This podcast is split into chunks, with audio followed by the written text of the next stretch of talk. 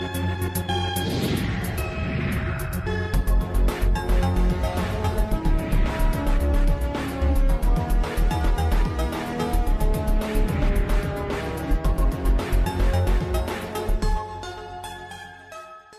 siang para pendengar RTFM di mana pun Anda berada.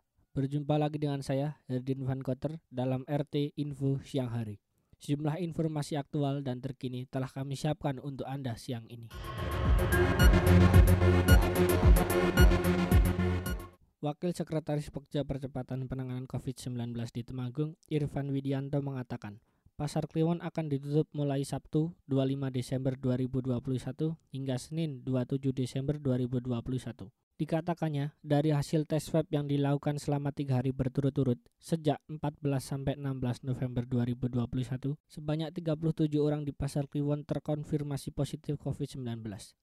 Pada Senin 24 Desember 2021, Irfan dari kantor BPB Limnas di Temanggung mengatakan, Atas dasar ini, kami sebagai kelompok kerja merekomendasikan agar Pasar Kliwon ditutup selama tiga hari mulai tanggal 25 sampai 27 Desember 2021.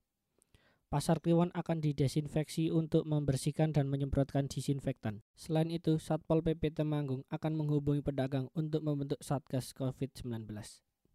Hal ini dilakukan sepenuhnya untuk melindungi keselamatan dan kesehatan masyarakat, terutama para pedagang dan pembeli di Pasar Kliwon itu sendiri.